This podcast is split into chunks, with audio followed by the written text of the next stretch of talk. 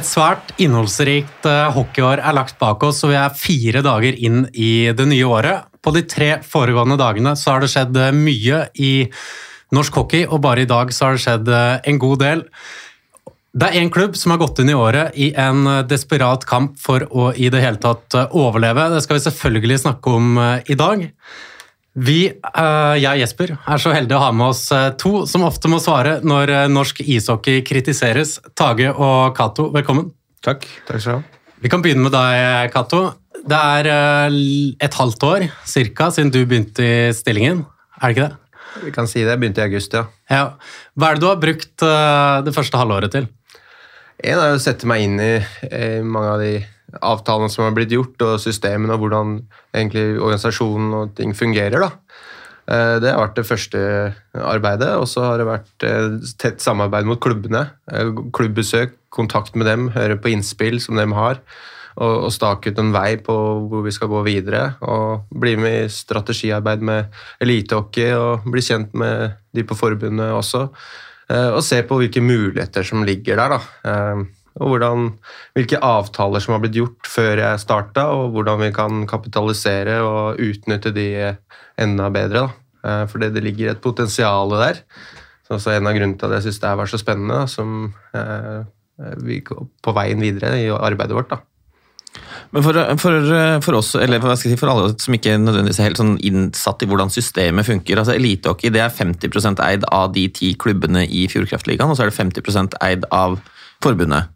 Og da, Hvordan blir din rolle altså Du er jo daglig leder. Hva, altså, hvordan fungerer din uh, rolle der da? Altså, det, for meg og, og, klubbenes del så er det viktig at jeg hører på, på dem og tar med innspill inn i styremøter og, og, er på en måte dems røst i forskjellige saker og kan fortelle om pulsen om hva som rører seg i hockeyen om dagen. Uh, og ikke minst at jeg har også dems interesse, fordi forbundet har sine interesser. og sine prioriteringer. Og så er det viktig at vi setter oss ned sammen på et eh, rundt bord og, og, prater sammen på hvordan vi kan gå videre. Da. Og det er det som har vært mest positivt eller, av sett nå, er jo hvordan vi sitter og snakker eh, sammen om ting. Da. Og det klimaet som er der nå, ser veldig bra ut. Og, Tage, du kan jo sikkert også si noe, for jeg tenker sånn, altså for, Det kan jo ikke være sånn at forbundet og klubbene alltid har de samme interessene. Det må jo være en del uenigheter her også. jeg tenker sånn, norsk, altså Forbundet skal vel på en måte tenke helheten norsk hockey, mens klubbene stort sett tenker vel Fjordkraftligaen og seg sjøl. Ja, og det er jo uenighet og diskusjon som bringer oss fremover, bare for å si det innledningsvis. Men det er jo helt riktig som du sier, Norges ishockeyforbund har jo ansvaret for jeg pleier å si, hele den norske ishockeyfamilien. Fra, fra skøytehockeyskolen der ute til, til Stavanger Oilers på, på toppen, hvis du, hvert fall hvis du tenker økonomi og tabellen akkurat, akkurat nå. Eh, eh, og Det betyr at vi klarer jo aldri å gjøre alle eh, fornøyde med den innsatsen vi gjør. Alle mener vi skulle gjort mer akkurat for deres del av den norske ishockeyfamilien. Eh, og Det er jo det vi innså da vi sammen med norsk eh, topphockey, som jo er de ti klubbene, øverste eh, liga for herrene, ble enige om å etablere Elitehockey AS som et aksjeselskap, hvor toppklubbene eier 50 og hvor forbundet eier 50% og rute, kall det engasjementet vårt for topphockeyen inn gjennom elitehockey. Og hele formålet med elitehockey er jo for så vidt større enn norsk topphockey sitt. Det er jo å løfte det øverste nivået på norsk ishockey totalt sett. og Da snakker vi både klubblag, eh, landslag, og det er derfor vi også har ganske mange spennende diskusjoner nå knytta til hvilke virkemidler kan vi bruke overfor klubbene for også å eh, gjøre landslag og norsk ishockey totalt sett bedre gjennom å løfte toppen. Da du ble ansatt, Cato, eh, så var det veldig mange som var glade. Det var en stilling som eh, ja, mange hadde etterlyst, men det tok ikke veldig lang tid. Det tok ikke mange ukene egentlig, før folk begynte å etterlyse deg på Twitter, for, eh, i hvert fall Twitter der vi ser det oftest, da, for at det ikke skjer nok, og hva du egentlig gjør. Hvordan er det du håndterer den kritikken etter, eller den at folk lurer, da? Jeg, jeg, tror vi må bare anerkjenne at kritikk er positivt, da, og at det er en interesse. Ligger, ligger der i hva man driver på med. Og så vet jeg at alt vi gjør, ikke er perfekt, eller um, mye, mye, som har forbedringspotensial, men det tar jo tid, da. Uh, I den jobben her. Det Nitidig arbeid med klubbene og, og, samarbeid og hva vi skal få til. Tar jo lengre tid enn det man uh, tror, eller kanskje forventer der ute. Eh, og da, da må jeg bare si at jeg også er utålmodig i flere prosesser som vi jobber med, og ønsker på en måte å bryte ned dører, og, og altså, at vi får til mer ting. men men det er et arbeid som tar lengre tid enn vi ja, til å få til ting. da. Og så må man jo følge opp disse tingene man igangsetter òg, og så prioritere. Så det, det, har, det, har, vært litt kritikk, men det, det, må man tåle. Og jeg tror det er sunt at folk engasjerer seg. Er det veldig stille rundt deg, så er ikke det positivt heller. Så må jeg forsvare Cato litt, for det er klart, vi er jo ikke ferdig med eh, å få på plass den strategien for, for, for elitehockey. Det er jo den vi nå diskuterer i styret. Hvor vil vi, hvordan skal vi komme oss dit, hvilke virkemidler skal vi gjøre? Det er klart, Der får jo Cato en viktig rolle, eh, sammen med også administrasjonen i, i Ishockeyforbundet. For det er klart, Cato er alene og, og trenger litt bistand til å få gjort ting. Så Derfor så må vi nesten få lov til å også få på plass den strategien. Og Den blir jo viktig for Cato sitt virke videre. for det er klart, det blir jo hans eh, bestilling fra styret til hva han skal gjøre. Ja, for jeg tror kanskje det er altså sånn der, det med, Som folk lurer litt på, da, hva har liksom mandatet altså Daglig leder i elitehockey, hva er mandatet den personen, i dette tilfellet Cato, har til å gå ut og gjøre ting? Fordi det er klart at det, Alle som er interessert i norsk hockey, vil jo at ting skal skje. Uh, og så tror jeg de fleste skjønner at ting tar tar tid, men, men man, man, det er jo engasjementet som gjør at man lurer på hva skjer, når skjer det, hvem er, det altså, hvem er ansvarlig for at det skal skje noe her? Og, og det er jo, så jeg tror jo det er noe av den der, hva folk lurer på, da, hva liksom mandatet skal være. Og det er det styret som har ansvar for, ikke Cato, eh, eh, for å henge eh, katten på riktig, eller bjella på riktig katt her. Og det er klart Styret består jo av to fra elitehockey, tre fra elitehockey og tre fra, fra forbundet. Unnskyld, tre fra topphockey og tre fra forbundet. Og vi er jo nå godt i gang med denne strategidiskusjonen, og forhåpentligvis før sommeren så kan vi ha mye av dette klart for å også stake ut kursen videre, ikke minst for hva daglig leder skal jobbe med. Mm. Men da når, det, når du sier det er tre fra forbundet og tre fra norsk topphockey hvis, det, hvis, man på en måte deler på midten der, hvem er det som er tiebreaker hvis det er uh, uenighet der da? Ja, Det er et godt innspill, da, for, for da har uh, den ene fra den ene siden dobbel stemme, og da er det klubbenes uh, rett som går. da har vi den ekstra stemmen. Og da er, vi vil aldri få en tiebreak. nei, nei, men det er jo det er, sånn er, men det var, det var, egentlig mer hvilken side som i ja. så fall har Eller hvem det er som har dobbeltstemmen. da. Det, var, ja, det er jo konsensus. Vi har foreløpig ikke hatt en notering, men jeg tror heller ikke vi, vi, kommer i den situasjonen. For det er jo ingen tvil om til syvende og sist så er det forbundet som sitter og eier rettigheten og eier reglementet som norsk hockey spilles ut ifra. Men, men vi kommer heldigvis ikke i den situasjonen. Dette selskapet har vi stifta fordi vi sammen ønsker å heve kvaliteten, omdømmet og økonomien i norsk hockey. Cato, hvordan har det vært å ha den stillingen opp mot uh, hva du så for deg? da? Altså, det var jo eh, Jeg hadde jo gjort meg noen tanker om hva kom jeg til å jobbe med, og, og det var en nyoppretta stilling. Jeg så at det var eh, behov for at det kom inn noen der. Folk har vært veldig engasjerte rundt det. Um, og jeg ser jo sammenligner ofte litt med å starte en egen bedrift noen ganger. At vi, vi, må sette en kurs, vi må bygge organisasjon, vi må planlegge hva vi skal prioritere og ikke. Uh, og sette Ja, alle har en mening om hva, hva vi gjør. Så jeg, jeg var forberedt uh, på noe av det, men samtidig så er jeg litt overraska over andre ting. da, så jeg så kanskje for meg at det ville være tøffere samarbeidsklima. Jeg syns det har vært mye mer positivt i de møtene vi har hatt med norsk topphockey, elitehockey. Jeg syns det har vært eh, fint å samarbeide med forbundet. Jeg sitter og jobber, jeg har et kontor der nede sammen med dem. Jeg setter veldig pris på at jeg er en del av et større kollegium der. Eh, at jeg kan spare med forskjellige personer. Eh, så jeg, jeg har lært veldig mye på den tida her, og, og, og gjør det fortsatt. Så ja, eh, på godt og vondt. Den, det har gått fort, den tiden her. Det har vært mye å gjøre. og så har det vært viktig for meg å finne ut Jeg har lært litt på veien altså hva som jeg må prioritere og ikke. da. Er det noe som har vært vanskeligere enn du sa for deg? Uh, jeg, vi kommer tilbake til det med at uh, kanskje jeg har Vi trenger også å være litt mer tålmodige rundt ting. Jeg har også ønska at vi skal få til mer raskere. Uh, og så er det jo skal man opprette en egen felles nettside, så må man kunne øh, holde opp og gjøre det ordentlig. Det skal være ryddig, vi skal se profesjonelle ut. og, og Da er det kanskje, må man ta en avgjørelse om det er lurt å gjøre eller ikke, da, rundt ja, forskjellige tiltak da, som vi gjør. Men øh, ja, det ligger jo mange muligheter der, og ja, jeg har noen øh, jeg har noen innspill som jeg hele tida dytter på elitestyret, som vi kan jobbe med. Jeg tenker på, altså sånn der, jeg tenker, altså Hadde det vært meg som hadde gått inn i en sånn rolle, jeg hadde sikkert hatt 100 baller jeg hadde hatt lyst til å kaste opp i lufta samtidig, fordi man har mange ting man vil få til. Men hvor, altså, hva er det som liksom, Jeg skjønner at Det kan man ikke gjøre, men man må jo starte et eller annet sted. Har altså, har du en eller annen liste med ting? Altså, jeg skjønner, Det har også kommet ut fra strategiplanen som er under arbeid, men på en måte, hvilke liksom, punkter er det du konkret liksom, jobber akkurat med nå? Som, hva er det som er topp prioritet? Altså, jeg, jeg har jo Eller elitehockey og det jeg gjør dagligdags, har jo lagd en hovedmål for eh, 2023 og 2022 da vi begynner. Og så er det ikke alltid jeg klarer å følge den til punkt og brikke.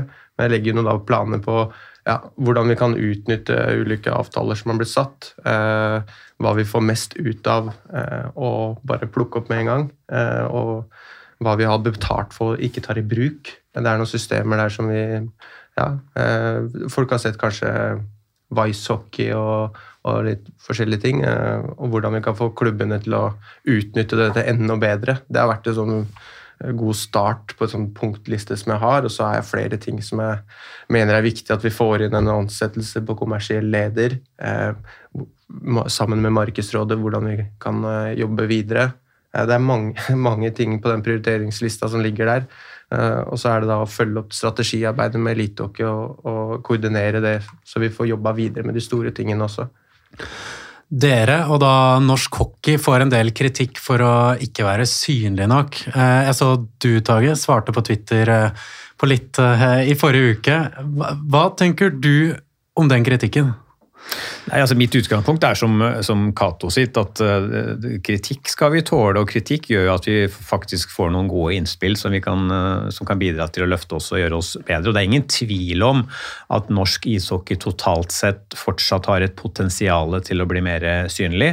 Uh, vi- Jeg må jo være så ærlig å si, fra mitt eh, selvfølgelig noe subjektive ståsted, så er det vel tre, tre medier i Norge som omtaler hockey på en, en regelmessig måte. Jeg kan eventuelt komme tilbake til hvem de tre er, hvis man skulle være nysgjerrig på det. Eh, eh, Og bortsett fra det, så er det kanskje noen eh, resultater og eventuelt noen skandaleoppslag som er det som, som, som får plass. Så det er klart vi har en jobb å gjøre.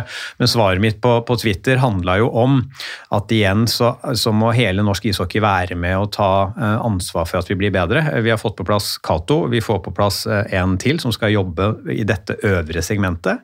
Som jeg sa, Ishockeyforbundet har ansvar for hele familien. Og når jeg da på Twitter sier at klubbene må selv være med å ta ansvar for å markedsføre sine egne kamper, sine egne arrangementer, så mener jeg faktisk det. eh, Og noen av klubbene er veldig gode på det. Eh, Andre av klubbene har et stort forbedringspotensial til å være mer synlige i sine nærområder. eh, Og igjen er jo det viktig for å trekke publikum inn i, hallene.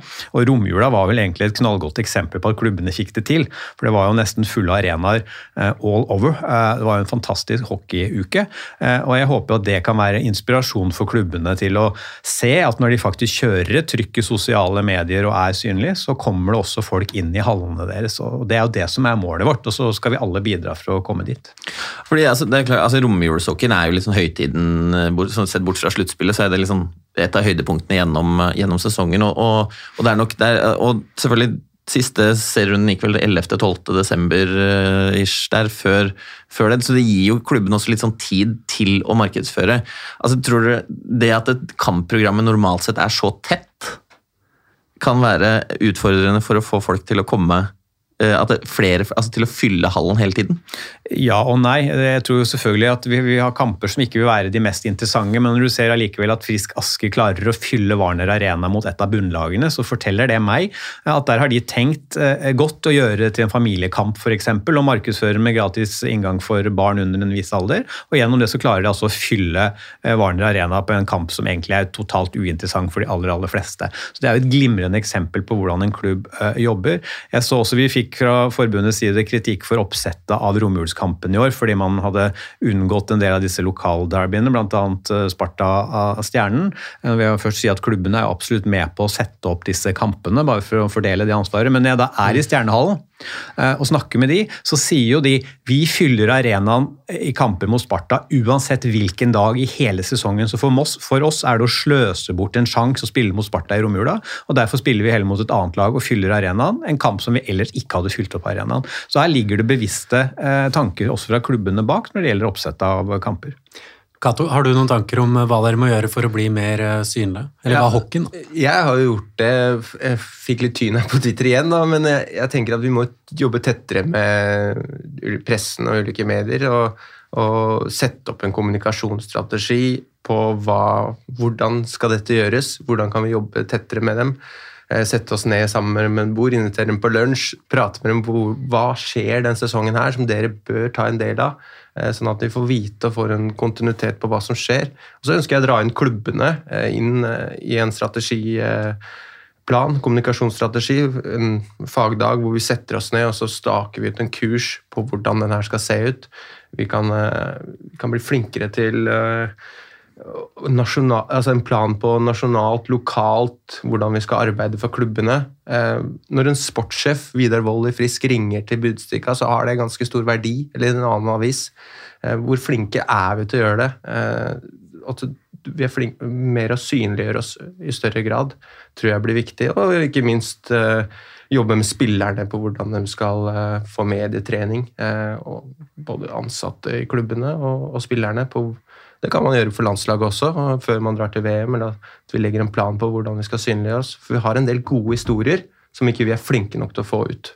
Altså, men jeg tenker bare sånn der, litt sånn det ting som har skjedd eh, før, før i tiden, holdt jeg på å si. Da, så er det litt sånn det, For oss som sitter på mediesiden, så er det jo ikke, det hjelper jo ikke at noen klubber ringer til oss i TV 2 en uke etter at de har gjort noe, og så kan vi ikke lage en sak på det. det altså, da er det for seint. Vi, vi skal ha det breaking, ja. Mm. Skal, være, i forkant, det er jeg helt Ja. enig med. Det, vi, der, der har vi et potensial og forbedringsmulighet, da. Det må jeg jo si. Eh, Alle ønsker jo å få mer dekning og mer interesse rundt. Det gjelder jo andre idretter også, og så må vi kanskje jobbe enda hardere i hockeyen eh, for å synliggjøre den flotte idretten som er der. Hvorfor tror dere, fordi du nevnte det, Tage, at det er ikke så veldig mange som, i hvert fall riksmedia, som skriver eh, regelmessig hockey. Hvorfor tror dere, eller du Cato da, først, eh, at det er sånn at eh, enkelte riksmedia rett og slett, det kan gå måneder da, uten at det skrives noe egentlig om hockey? Eh, Jeg hadde jo en diskusjon med jeg vet ikke om jeg skal si hvilket medie presse, men jeg hadde en diskusjon med en journalist om det her. Og min teori, da, min personlige teori, er jo at de lager gode saker, og så sier de til meg at de ikke får kanskje de man, klikk man opp vil ha, da, i forhold til den gode saken de lagde. Og, og, og sånn som jeg kjenner hockeyfolket, eh, så hvis de vet at det er skrives hockey på TV 2 f.eks., så går man innom der og leser. Eh, hvis man ikke skriver hockeysaker regelmessig, så går man ikke innom disse eh, stedene og, og, leser etter hockeynyheter. Og da må man da lage flere saker over tid, for at man vet at her skjer det, skrives det om ishockey. Eh, og så vil man også da kanskje appellere til nye publikummer, så må man skrive saker som vi, vi nødvendigvis eh, som er godt kjent med idretten, kanskje ikke tenker ville være like relevant. Hva tror du, Tage?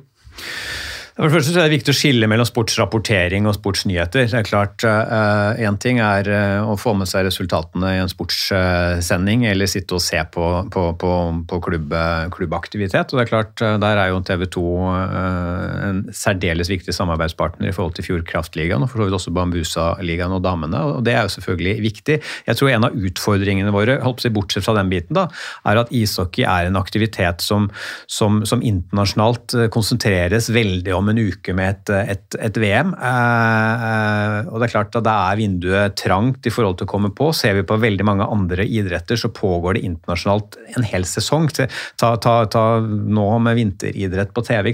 Det går an å sitte og se på internasjonale mesterskap i langrenn eller alpin eller, eller eh, hopp gjennom hele vinteren, og det bidrar selvfølgelig til at interessen også blir større for å skrive om utøverne. Vi ser jo rundt mesterskapene så er det jo ganske mye interesse rundt en del av våre profilspillere spillere og sånn i forkant av VM og sånn. Så jeg tror en av de jobbene vi har å gjøre, er å bidra til å løfte interessen rundt noen av produktene ved siden av A-laget vårt, herrelandslaget vårt. Eh, og det har vi absolutt mulighet til nå, når vi er på øverste nivå for gutta både i U18 og spilte oss opp i U20, i tillegg til landslaget for herrer. Så bidrar jo det til at vi har produkter også internasjonalt gjennom større deler av sesongen, som igjen også kan gjøre at det blir en større nyhetsinteresse å skrive om spillerne og aktiviteten. Ja, og når vi, eh, når vi, snakker om det, så tenkte jeg at jeg vil si litt jeg også, som jobber med det egentlig hver dag. Eh, hockey. Gjort det siste eh, ett og et halvt året i TV 2. Og vi i TV 2 vi skriver, jeg liker i hvert fall tro, mest om hockey av riksmedia i Norge. Men vi får en god del kritikk, vi også, for det som kommer. og Det er ikke sånn at jeg sitter på en fasit, men vi jobber nå i hvert fall med det her hver dag. da.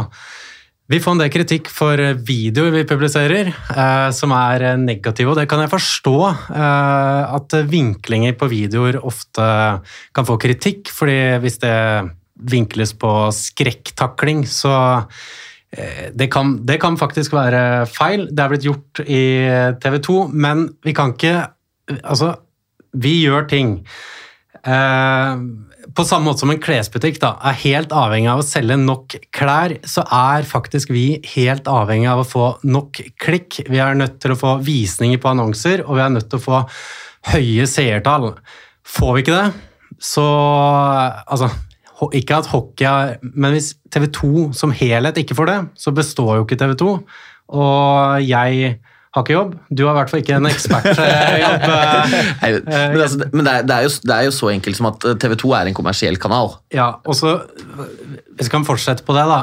Um, I forrige uke så var det ja, på Twitter, som vi viste til i stad, så ble det etterlyst uh, av noen at ikke flere medier skrev om den utrolig gode romjulskampen uh, som var. Um, en kampsak derfra. Uh, og for å få flere til å forstå hvorfor kanskje andre ikke gjorde det. da. Hvis vi skriver saker om uh, supportere som Ava Bøhn Eriksen, som jeg har skrevet om, Lisbeth Halvorsen, eller drar til uh, Sveits for å møte Dan Tangnes og skrive en uh, personlig sak der, så kan det dra så mye som 20 ganger så mange lesere som en så god romjulskamp gjør. Derfor så er vi faktisk helt avhengig av å skrive de personlige historiene, og derfor så blir kanskje det sportslige ofte prioritert bort. da. Samtidig, det er en balansegang. Vi er rettighetshaver. Vi må eh, fremme sporten, vi også. Det har vi lyst til. Eh, jo flere sånne saker vi skriver, jo flere lesere får vi, og jo flere muligheter har vi til å skrive om eh, det sportslige. Så hvis vi klarer det, så kanskje etter hvert kan flere jobbe hockey, og da kan vi få mer om eh, sporten også. Hva tenker du om det, Jesper? Jeg syns det høres bra ut. Jeg skulle gjerne sett at vi var flere i hockeyteamet. Ja. Og så vet jeg at dere, etter, dere har søkt etter en kommersiell eh, leder. Og i det arbeidet, hva er det den eh, personen som kommer inn, skal gjøre da? Først må jeg berømme klubbene da, for at de var villige til å sette seg ned og sette av penger i en tøff tid til å at vi skal ansette en person her. Så det er jeg veldig fornøyd med at de bare enes over det med en gang på første møte. Og så har det tatt tid å ansette, og Denne prosessen tar jo tid, den også. Eh, og den blir kanskje en av de viktigste jobbene for Fjordkraftligaen fremover. Og hvordan vi skal utvikle oss, eh, og hva vi kan hjelpe klubbene med. da, eh, Sånn at vi får bedre profesjonalitet rundt virksomheten deres.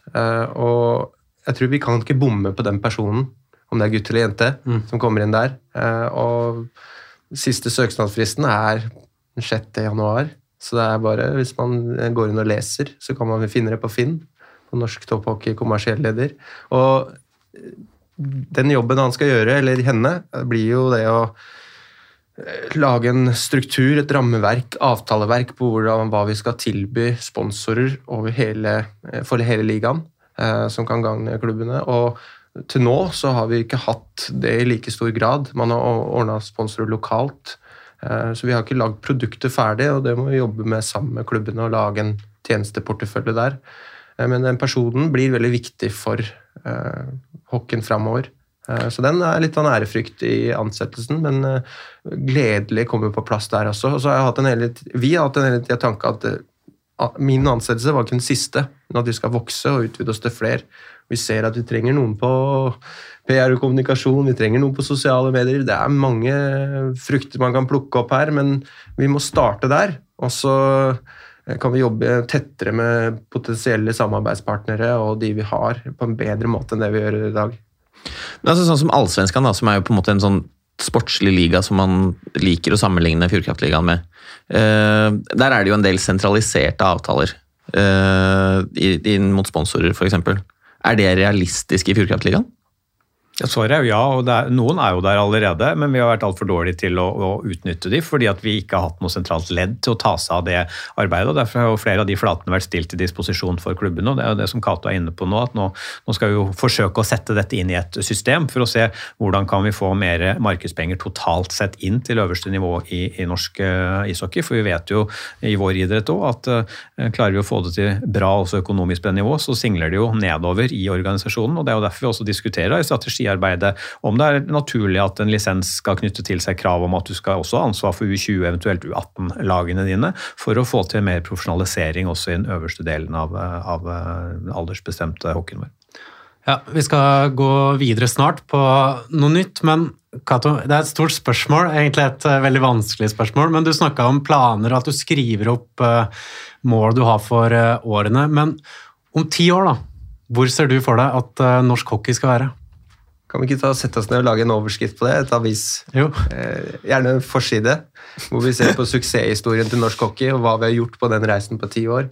Eh, og da har vi dytta inn kvinnehockeyen. Eh, vi har eh, fått eh, Alle klubbene har bygd eh, et godt U20-18-lag. flinket med egen utvikling. Vi har kanskje gjort det bra nasjonalt med, altså internasjonalt med et landslag som har hevda seg. Vi har kanskje som hockeyallsvenskene, som er fem år foran oss i tid, vil jeg si. Eh, nærmet oss dem med avtaler, eh, og vi har fått en mye mer profesjonell liga. Eh, hvor mange antall det er, eller hvor mange importer det er, det har ikke noe formening om akkurat her nå. Men vi eh, Ja, jeg håper at vi har vært en eh, reise, og kanskje interessen har dobla seg forhåpentligvis. For det er et mål? Dobling? Det er et mål. Vi må, vi må, noe, vi må være visjonære her i arbeidet vårt. Og vi har ikke fått ut, som, som dere har sagt her tidligere, fullpotensialet i hockeyen. Eh, det er en stor vinteridrett. Det er den største vinteridretten. Eh, så vi, eh, vi, skal jobbe enda mer. og Vi ser at det er stort i Sverige. Vi vil komme dit. Men altså, så, bare, altså, Du sier ligaen er mer profesjonell. Uh, okay, så kan man jo alltid diskutere hva, hva, er, hva, er, egentlig det å være profesjonell. da. Men altså, sånn, sånn, som jeg ser det, da, så er det sånn den altså, si, økonomiske klasseforskjellen i Fjordkraftligaen har aldri vært større. Altså sånn, hvis man ser på de, sant, Nå er det de, topplagene, de sirkler som hauker rundt uh, først MS og så Lillehammer for å plukke opp de beste spillerne. Det er to klubber som har måttet fristille sine beste uh, spillere for å overleve sesongen. Altså for det første, det er jo ikke profesjonell drift, i, i mine øyne, å drive en klubb som ikke, ikke går rundt økonomisk. Uh, og så har man da altså det, er, det er jo um, Jeg er helt for at det skal være ti lag i Fjordkraftligaen, tror det er viktig. Men vi er jo ikke der at vi har ti profesjonelle lag. Og du kan si at En del av de toppklubbene de, det er ikke sånn at de er profesjonelle hele veien, de heller, når det kommer til administrasjon og på en måte si, byggverket rundt klubben. Nei, men nå er det snakk om en langsiktig plan. Dere snakker om tiårsperspektiv. Ja, i dag er vi ikke der, sånn som du sier, men vi må se framover på hva vi kan gjøre nå. Og, og, og, hvordan det ser ut. Lista har blitt satt høyere, som du sier, på de beste klubbene. De har blitt sterkere, de har eh, stø, fått større organisasjoner. Vi har vokst eh, framover her allerede, og det har blitt tøffere. men det betyr jo bare det at de andre må jobbe enda hardere, og vi må utvikle oss i takt med de som er eh, bedre. Da. Og Vi ser jo allerede nå at vi får resultater internasjonalt. Stavanger Oilers gjorde det bra i CHL. Eh, vi ser at det er landslag som vokser. så vi må ha trua på produktet, eh, og så skal det selvfølgelig være bærekraftig drift på det. Eh, og vi kunne snakka om mange ting i den planen i tiårsperspektiv, om geografisk spredning og hvordan klubbene skal utvikle seg. Men det, det er en del av reisen vår da, som vi må ta. Men vi må tørre å sette oss noen mål. Jeg ønsker at vi skal være offensive, ønsker at vi skal se framover på hva vi kan få til. Og så Uh, pleier, å skryte, pleier å ta skryte når du snakker litt sånn at det er tøft. Selvfølgelig er det det. Det er der vi er. Vi har hatt noen bananskall som har sklidd på, men se at klubbene vokser. Se på Ringerike som vokser. Uh, ny hall som jobbes med. Det er mye positivt som skjer der. Noen kontinuitet i arbeidet sitt, det er nevnt før. Og det er viktig å fremsnakke det som er bra. Ja, Gryner er kanskje ikke den største klubben i ligaen, men du får ikke noen overskrifter der. Det er økonomisk ryddig. Og så skal vi sette krav etter hvert på hvordan vi ønsker at den ligaen her skal være. Men vi må ta vare på de vi har nå, og, og støtte dem der hvor de er akkurat nå. Og Det samme gjelder Lillehammer og Manglerud og, og alle klubbene som har hatt problemer nå. Eh, det er viktig. Og da, eh, Du trekker frem det positive, jeg skal inn på det negative. Vi må snakke om eh, Lillehammer. Fire millioner i underskudd, i, eller totalt, da. Går en halv million i minus hver måned. Og kjemper nå for å ikke gå konkurs og bli degradert. Hvordan er det å se på det som skjer der, Jesper? Nei, altså det, først og fremst så er det jo fryktelig fryktelig trist. Eh, for det andre så kan man jo stille seg spørsmål om hvordan i all verden det er mulig. Den, eh, altså sånn, med de inntektene som de har eh, meldt inn bl.a. til oss om hva de på en måte får inn på, på topplinja i året, kan man jo lure på hvordan man kan ende i en sånn situasjon. Det er det sikkert mange, mange ute som, som, lurer på. Det er ikke sikkert at verken Tage eller Cato kan svare på. Men det er jo på en måte, det er jo trist at vi er her uh, igjen, og det er, bare, det er, bare, to måneder siden vi var der, uh, var der sist, egentlig. Uh, og ja, hva skal jeg si, det er, ikke, det, er ikke noe, er ikke noe unikt for norsk hockey. Det, noe, det skjer i, i, mange andre idretter også, men, men, det er jo hvis man ser på norsk hockeys historie siste om man velger om det er 20-15-10 årene, så er det jo det er ganske mange eh, klubber som har vært eh, i økonomisk rot. og Man kan jo lure noen ganger på hvordan, hvordan er egentlig økonomistyringa rundt omkring i, i Klubb-Norge. Mm. Hvordan føles det for deg å se på det, Tage? Jeg vil jo si vondt i maven er vel kanskje det beste bildet på det. Både vondt i magen fordi at um, Lillehammer på mange måter er vinteridrettens vugge. OL i 94. altså Hvis ikke man klarer å ha et eh, ishockeylag på Lillehammer, hvor skal man klare det da, sånn historisk eh, sett? Og så gir det meg vondt i magen fordi at uh, det er eksempel på, på, det vi vel uansett må kalle en, en dårlig klubbdrift. Og så kan det være mange årsaker til det, det vet vi jo ikke ennå. Nå skal det være ekstraordinært årsmøte at man skal få inn et nytt styre og forhåpentligvis også inn frisk kapital, men det er jo åpenbart noe usunt som har funnet sted i for lang tid. Eh, og det må vi jo bort fra i norsk eh, ishockey. Så jeg har lyst til å si på makronivå så, så har faktisk eh, klubbene hatt en bedre økonomisk utvikling de siste årene enn hvis vi ser litt tilbake i, i, i kula. Og så må vi også huske at vi har to år med pandemi bak oss. Vi har to sesonger som ikke har blitt gjennomført på normalt vis, som nok har både stilt klubbene tilbake rent sånn administrativt og organisatorisk, og som også har gjort det litt usikkert i forhold til hvordan man skal budsjettere i forhold til publikum og aktivitet igjen etter pandemien. I tillegg så har vi hatt en eksplosjon i prisøkninger som både på reise og strøm og andre ting, som også rammer en del av klubbene. Så, så her er det mange faktorer som gjør at det nok er ut, mer utfordrende i, i, denne sesongen enn det har vært på mange sesonger, men det forsvarer ikke eh, at Lillehammer har kommet til den situasjonen de har, og jeg håper for alt i verden nå at vi klarer å få økonomien på plass, og de får fullført sesongen. Og så får vi se hva vi gjør med de på vei videre i forhold til kommende sesong og lisens. Ja, for altså, Jeg så jo uh, da bl.a. Eh, Ottar Eide var ute og sa at uh, vi, kan, vi, får ikke gjort noe mer enn å på en måte kontrollere de tallene som vi får rapportert inn til, uh, i henhold til handlingsplanen. Men, men altså, mitt spørsmål da blir jo på en måte er systemet godt nok hvis på en måte noen på Lillehammer klarer å skjule de tallene, altså de, de tallene som fakt, de reelle tallene, da, og på en måte rapporterer inn på egentlig falske premisser? Er det noe som kan gjøres med systemet for å bedre den rutinen? Og Flere svar på det. For det første så er det klart at eh, alle, alle klarer å lure systemet hvis man bevisst ønsker det. Jeg, jeg, kjenner ikke situasjonen som har funnet sted i Lillehammer, og vet ikke hvordan de havna i den, den, situasjonen. Men det er klart jeg oppfatter at dette også har kommet overraskende på det styret som satt i Lillehammer. Flere av de har jo trukket seg, og, og, og nå er det jo et midlertidig styre frem til ekstraordinært årsmøte. Jeg oppfatter at signalene som blir gitt fra Lillehammer nå, er at de ønsker 100 eh, åpenhet åpenhet overfor forbundet. De ønsker en hyppigere rapportering enn det som forbundet har krevd frem til nå.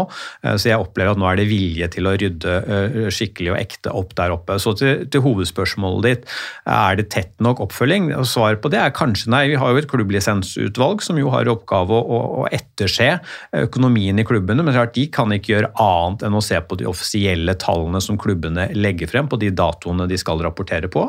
Eh, så kan vi nå kanskje diskutere, og det skal vi nå gjøre, vi hadde det som tema eh, nå i siste eh, styremøte i forbundsstyret, om vi skal legge til grunn en hyppigere kommende sesong, hyppigere rapportering på økonomi enn det som har vært gjort frem til nå. Det er klart at det syns jo klubbene er både byråkratisk og noe de egentlig ikke ønsker seg. På en annen side så kan det bidra til at flere klubber kanskje ikke kommer i den situasjonen som, som Lillehammer er i nå. Men igjen, vi, vi, kan ikke se noe annet enn de offisielle tallene. og Da er vi jo avhengig av at klubbene faktisk, og regnskapsførere og revisorer faktisk gjør en ekte og reell jobb der ute.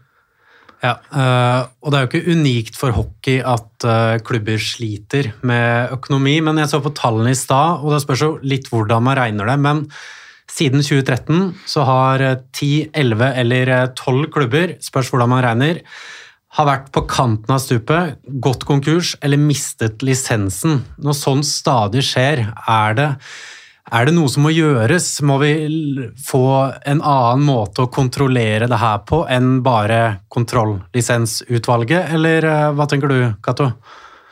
Jeg tenker at det er et arbeid som vi må jobbe med. Å se etter huller og tette dem. og og hvordan folk få innspill fra klubblederne i Norge om akkurat det temaet du snakker om, og hverdagen deres. Og da se på hvordan vi kan få en bærekraftig drift. Fordi hvis man er på kanten av stupet, ja greit, det er jo noen røde varselstein. Man har jo begynt med en, trafikklysmodell og jobbe, jobbe med, med, hvordan den skal være. og så er det nok den også under utredning på hvor bedre det kan bli. da. Og så det, det, er et arbeid som må gjøres, eh, både fra forbundets side og klubbene. og, og vi må se på hva, hva, vi kan gjøre for å bli enda bedre. Må klubbene følges tettere? Spørsmålet, Det som er interessant, er at klubbene har ikke ønska det her tidligere. De har ønska å ha handlingsrommet de har, de har ikke ønska å ha noen som sitter over og overvåker dem etter hver tid. Så det er jo noe vi må sette oss ned og snakke om og få innspill fra på hvordan vi skal jobbe videre. da. Eh, jeg tror ikke Norsk ishockeyforbund skal styre hver eneste klubb, men jeg tror klubbene ønsker å, drifte klubben så godt som mulig selv. Men eh, ja, få inn kompetente folk som gjør det ordentlig, det er viktig.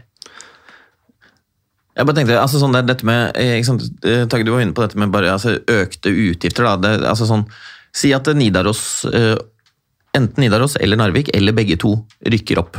Uh, som jo er veldig bra for norsk hockey sett på geografisk spredning. Det å skaffe interesser andre steder enn på en måte sentralt på Østlandet og i Stavanger. Men hva er det som tilsier at uh, for eksempel, eller hvordan kan på en måte Elitehockeyforbundet, norsk hockey, sånn, jobbe for at det ikke uh, skal gå hva skal si, økonomisk dårlig der også. Da. Altså, hvis man ser på historien. altså TIK gikk eh, konkurs, Rosenborg gikk konkurs. Hva er det som tilsier at Nidaros Er det noen midler kan, kan man på en måte lage var, Før var det jo en form for en sånn type sånn reisekasse. Kan det, kan det komme noe altså, Er det noen tiltak man kan gjøre for å sørge for at altså, de klubbene som kommer opp, kan være bedre rusta også? Svaret er jo ja. altså I første divisjon så har vi jo reiseutjevning. I Fjordkraftligaen har vi det ikke, fordi klubbene ikke har ønsket en sånn eh, løsning. Så igjen så er jo dette et, et samarbeid med, med, med, med, klubbene. Men jeg har lyst til egentlig også å snu hele problemstillingen på hodet tilbake til der vi starta denne podkasten i forhold til etableringen av Elitehockey AS. Altså Hele formålet eh, er jo, som jeg var inne på i stad, å øke markedsverdien og kvaliteten på norsk topphockey. Og jeg er jo 110% sikker på at klarer vi å få opp Nidaros, klarer vi å få opp Narvik, klarer vi å få til en bedre geografisk spredning, så øker markedsverdien på norsk ishockey. Det betyr at den kommersielle lederen som norsk topphockey kommer til å ansette, kan jobbe med enda flere og enda større aktører for å få inn penger, fordi at eh, et helt Trondheims-publikum eh, og Trondheims-media har kommet på, på, radaren på en helt annen måte, nordnorske medier osv. Det er jo det som er hele tanken bak dette. og det er jo, Ja, selvfølgelig skal vi ha mekanismer som hindrer klubbene i å, komme, å falle utfor stupet, men enda viktigere er det jo å bidra til å løfte klubbene sånn at vi får en sunnere økonomi. så ikke noen nærmer seg en gang stupet. Og Det er derfor når vi snakker strategiplanen, en et tiårslinjal, hvilke krav skal vi sette når i den tiårsperioden, sånn at klubbene har tid til å forberede seg? Når skal vi stille krav til at de skal ha en ansvar for en dameklubb? Når skal vi stille krav til at de skal ha ansvar for U18, U20-lagene? Når skal vi stille krav til at det skal ha x antall tusen publikumsplasser? Når skal vi stille krav til et, et minimums, maksimums lønnsbudsjett, omsetning osv.? Alle de elementene er jo elementer som vi mener er viktige for å øke verdien til produktet totalt sett, for å unngå at klubber som MS og Lillehammer eh, kommer i den situasjonen som de er nå. Og jeg, tenker, altså, jeg bare tenker sånn eh, Hvis man ser eh, sponsor, eh, sponsoratet til DNB med Stavanger De har jo satt noen helt klare krav til dette med damesatsinga, f.eks. Og du snakker om store aktører. Altså, eh, hvor avhengig tror du at norsk hockey er å få på en måte, Hvis man skal appellere til de store sponsorene i det norske markedet, da. Det er, det er 2022. Det, er, det, stilles krav til at det skal uh, skal si, være relativt likt mellom gutter og jenter. Hva, hvor viktig er det? Helt viktig og helt avgjørende. og Jeg skal love at vi skal gjøre det vi kan for at vi skal være før ute enn fotballen, for å sørge for at det er et må-krav fra lisens på øverste nivå for, for, gutta. Eh, Stavanger eh, Oilers gikk jo forbilledlig foran, men se hva de har fått til på Lillehammer, da, for å si noe positivt om Lillehammer. Eh, samarbeidet mellom klubben, NTG og miljøet der oppe har jo bidratt til at de faktisk har fått på plass et damelag i Bambusa-ligaen som faktisk også vinner kamper og hevder seg og gjør det bra. Satt den første publikumsrekorden på en av sine hjemmekamper før, før de stjal den i, i, DNB, men det er jo kult at de slåss om også å ha publikumsrekorder på, på, damekampene. Så selvfølgelig er det en forutsetning at skal norsk hockey hevde seg, så må det være like stor interesse for, på damesida som på, på guttesida. Og jeg er glad for at sponsorene setter de kravene, og de kan sette de enda tydeligere, spør du.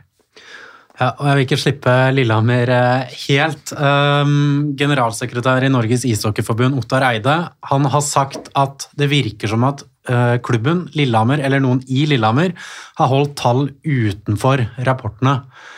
Hvor alvorlig er det i så fall, eh, Jesper? Eh, altså det er jo, Da er man jo på litt sånn, uten at jeg kan lovgivningen, sånn, så er man jo på økonomisk kriminalitet. I, i mitt hode, i hvert fall. Hvis man uh, på en måte helt bevisst skjuler tall for å, å, hva skal jeg si, kamuflere hvor dårlig regnskapet egentlig er. så det er veldig veldig alvorlig i mitt, i mitt hode, i hvert fall. Mm. Hva tenker du? Ja, nei, hvis, hvis, eh, og Om det er tilfellet, så er jo det en, en, juridisk sak som andre enn jeg som ishockeypresident skal ta meg av. Jeg forventer at alle som eh, både er ansatt og frivillig i norsk idrett, opererer innenfor norsk, eh, norsk lov. så Det håper jeg også har skjedd her. Mm. Og Så snakkes det om sanksjoner. Vi får først se om det går bra med Lillehammer. Vi håper jo selvfølgelig det. men hvis eh, Lillehammer overlever og fullfører sesongen, så sier jo Ottar at eh, det vil iverksettes noen sanksjoner. Eh, eller det vil komme noen sanksjoner for de har ikke holdt seg innenfor handlingsplanen. Hva ser du for deg, Esper, at, uh, at det kan være? Ja, altså hvis man ser på sånn historie, så har det jo vært poengtrekk som er på en måte det, det, jeg, kanskje den enkleste sanksjonsformen å, å gjennomføre. Så kan si det, det, på mange måter er det jo litt sånn unfair overfor spillerne, for det er ikke de som, er, uh, som har gjort dette her. Om man starter en sesong med ti poeng minus, eller uh, om det er fem eller 20, har vel Lørenskog hatt en sesong også. Men, men, på en måte det er jo kanskje det, det mest sånn Eh, vanlige sanksjonsformen som i mitt syn er helt, helt greit. Da har klubben har gjort noe gærent, da må man jo på en måte starte på minus. da. Uh, og fordi jeg tror altså på en måte Norsk hockey er ikke det er ikke stort nok til at vi kan drive og sende klubber ned i, i, i andredivisjon uh, så, altså sånn, helt uten videre. Da. Det skal være ganske Uh, ganske ille Eller det er jo ille, dette her, ja. men det skal, i mitt, hvis de klarer å redde seg nå, så tenker jeg at det, på en måte kanskje den poengsanksjonen er det som er, eh, er uh, mest nærliggende. Men det er ikke opp til meg å avgjøre. Nei, heldigvis ikke. Nei. Uh, før jul så fikk, fikk dere avslag på søknad om eh, støtte av Kultur- og likestillingsdepartementet om 80 millioner kroner for å få gjennomført Eller for, egentlig for først å få mesterskapet, da, men for å få gjennomført et VM i 2027. Hva, hvordan var det å få det avslaget, Tage? Nei, Det var selvfølgelig et nederlag, men jeg syns kanskje det verste med avslaget var at vi i søknaden ba om å få lov til å komme for å presentere søknaden for departementet, eh, og inviterte til en dialog. Eh, og, og, og vi hørte ingenting fra departementet før avslagsbrevet lå i postkassa eller kom i, i innboksen.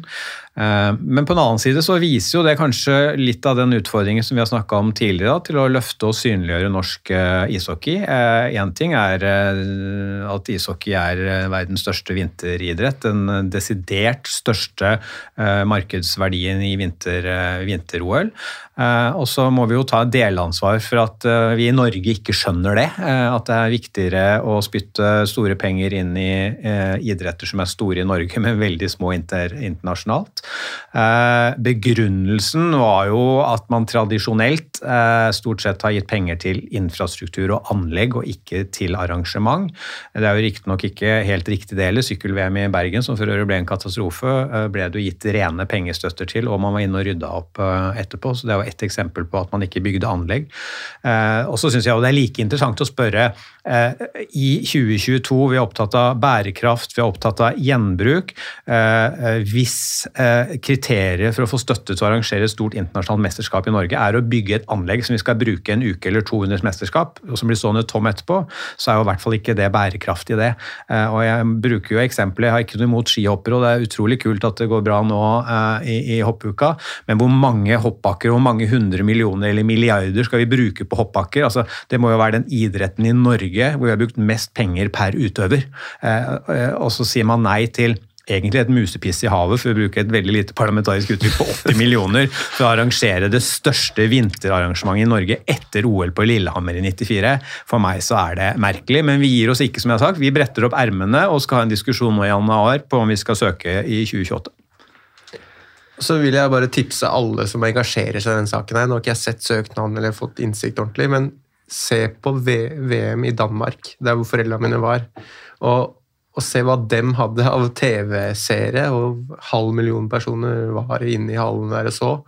1,2 eh, billioner mennesker så det på TV forskjellig eh, rundt omkring i verden. Altså, det er svært, og det, og det genererte en del penger også. Jeg har ikke tallene på det, da, men gå inn og se på det.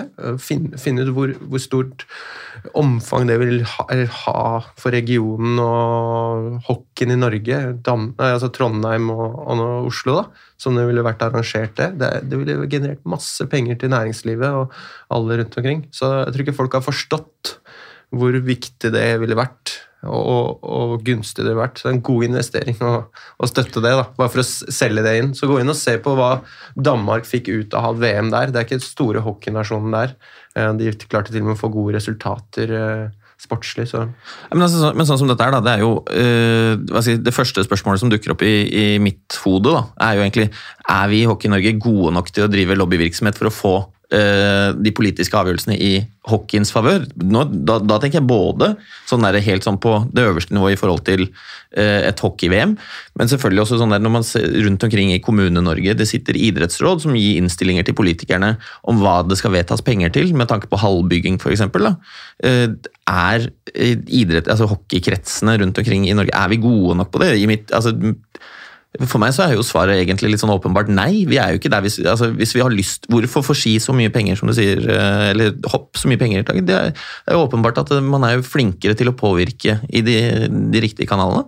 Det er helt riktig, og jeg er helt enig med deg i analysen. Og så er vi jo født med ski på bena, er det noen som har sagt. Så, så det er mulig det, det, det, spiller, det spiller, inn. Men, men, men, spøk til side. Det er klart at eh, jeg tror nok uh, ishockeyen uh, nok har ildsjeler som i veldig stor grad har vært mest opptatt av sporten og aktiviteten og mindre grad av lobbyvirksomhet, hvis vi tenker sånn stort på det. Og der har vi en stor jobb å gjøre. og jeg husker takketalen min da jeg ble valgt som eh, president første gang, som var eh, rett før et, eh, rett før et kommune- og fylkestingsvalg. Så jeg husker husk nå at alle dere som sitter her, er idrettspolitikere, og det er den viktigste jobben dere har å gjøre når dere kommer hjem fra et ishockeytinget, er å dra hjem og påvirke deres lokalpolitikere for å legge til rette for å gi rammebetingelser for at idretten nå kan vokse eller etablere seg i kommuner hvor den ikke er. og Der har vi jo et stort, et stort forbedringspotensial. og så har jeg også påpekt tidligere at den modellen vi har i Norge med idrettsråd, som har har mye god makt rundt om i kommunene, er tanken bak det er veldig god.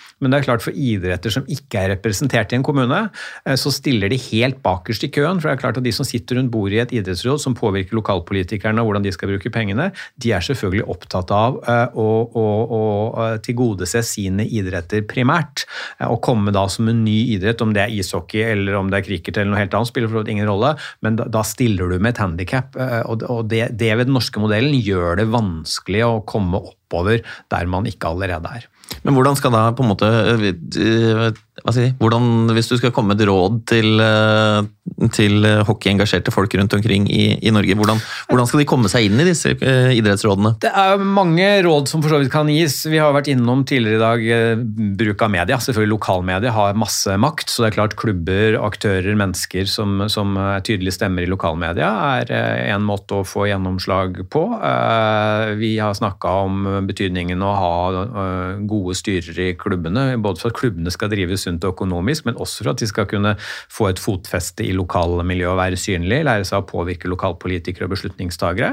Eh, og så er det også rom for at flere hockeyinteresserte går inn i politikken, eh, sånn som jeg for så vidt har gjort, eh, uavhengig av hvilket parti. Men det er klart at å få de stemmene rundt bordene i kommunestyresaler og fylkestingssaler osv. Er, er viktig. Så jeg tror rett og slett det handler om å, å, å spre engasjementet og gleden over den sporten vår som vi ser utspiller seg både på isen og rundt isen, også inn i, i miljøene utenfor hallen.